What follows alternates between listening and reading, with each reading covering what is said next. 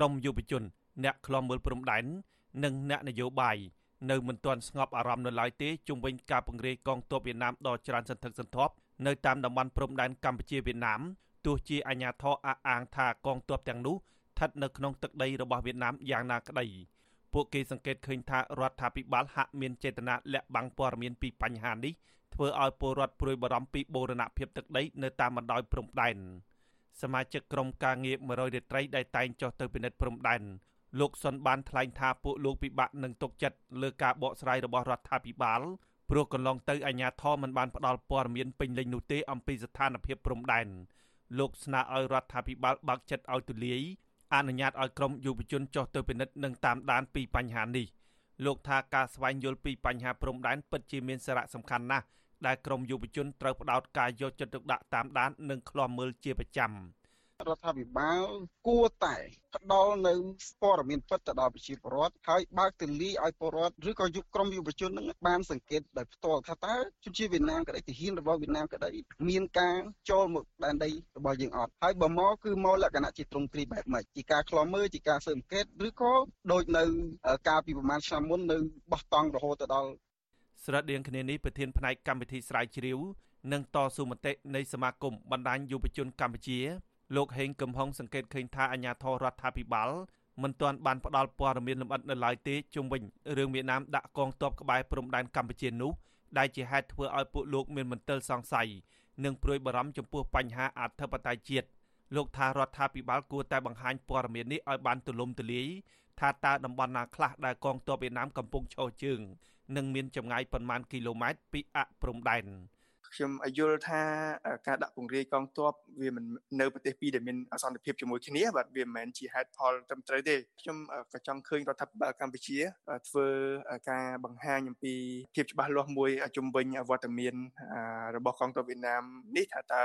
មានចំនួនប្រមាណអីប្រមាណហ្នឹងដើម្បីឲ្យប្រជាពលរដ្ឋនៅតាមព្រំដែនហ្នឹងលោកមានការស្ងប់ចិត្ត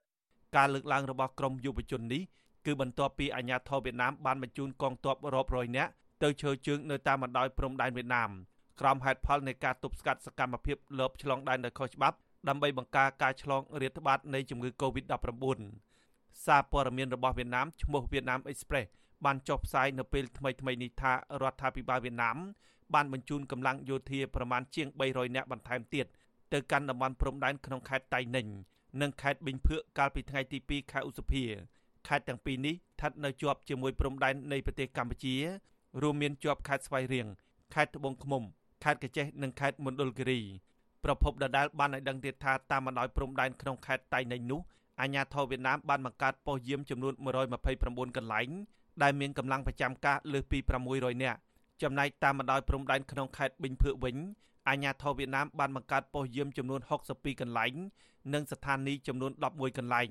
តំបន់មួយចំនួននៅតាមបណ្ដោយព្រំដែនដែលកងទ័ពវៀតណាមកំពុងឈរជើងការពារនោះ គឺមិនទាន់មានការឯកភាពគ្នាបោះបង្គោលព្រំដែននៅឡើយ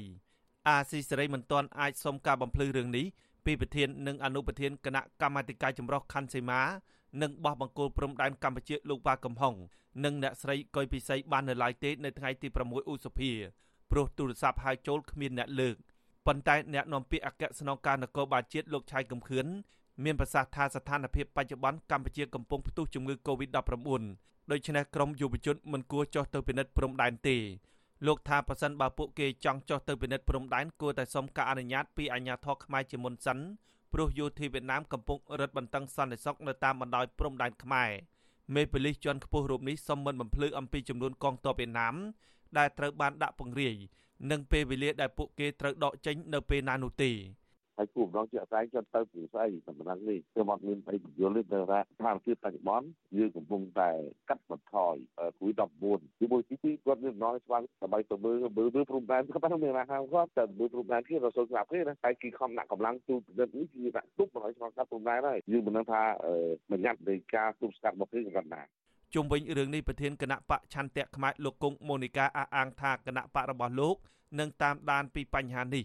ហើយលោកជំរុញឲ្យយុវជនយកចិត្តទុកដាក់រឿងបូរណភាពទឹកដីនេះ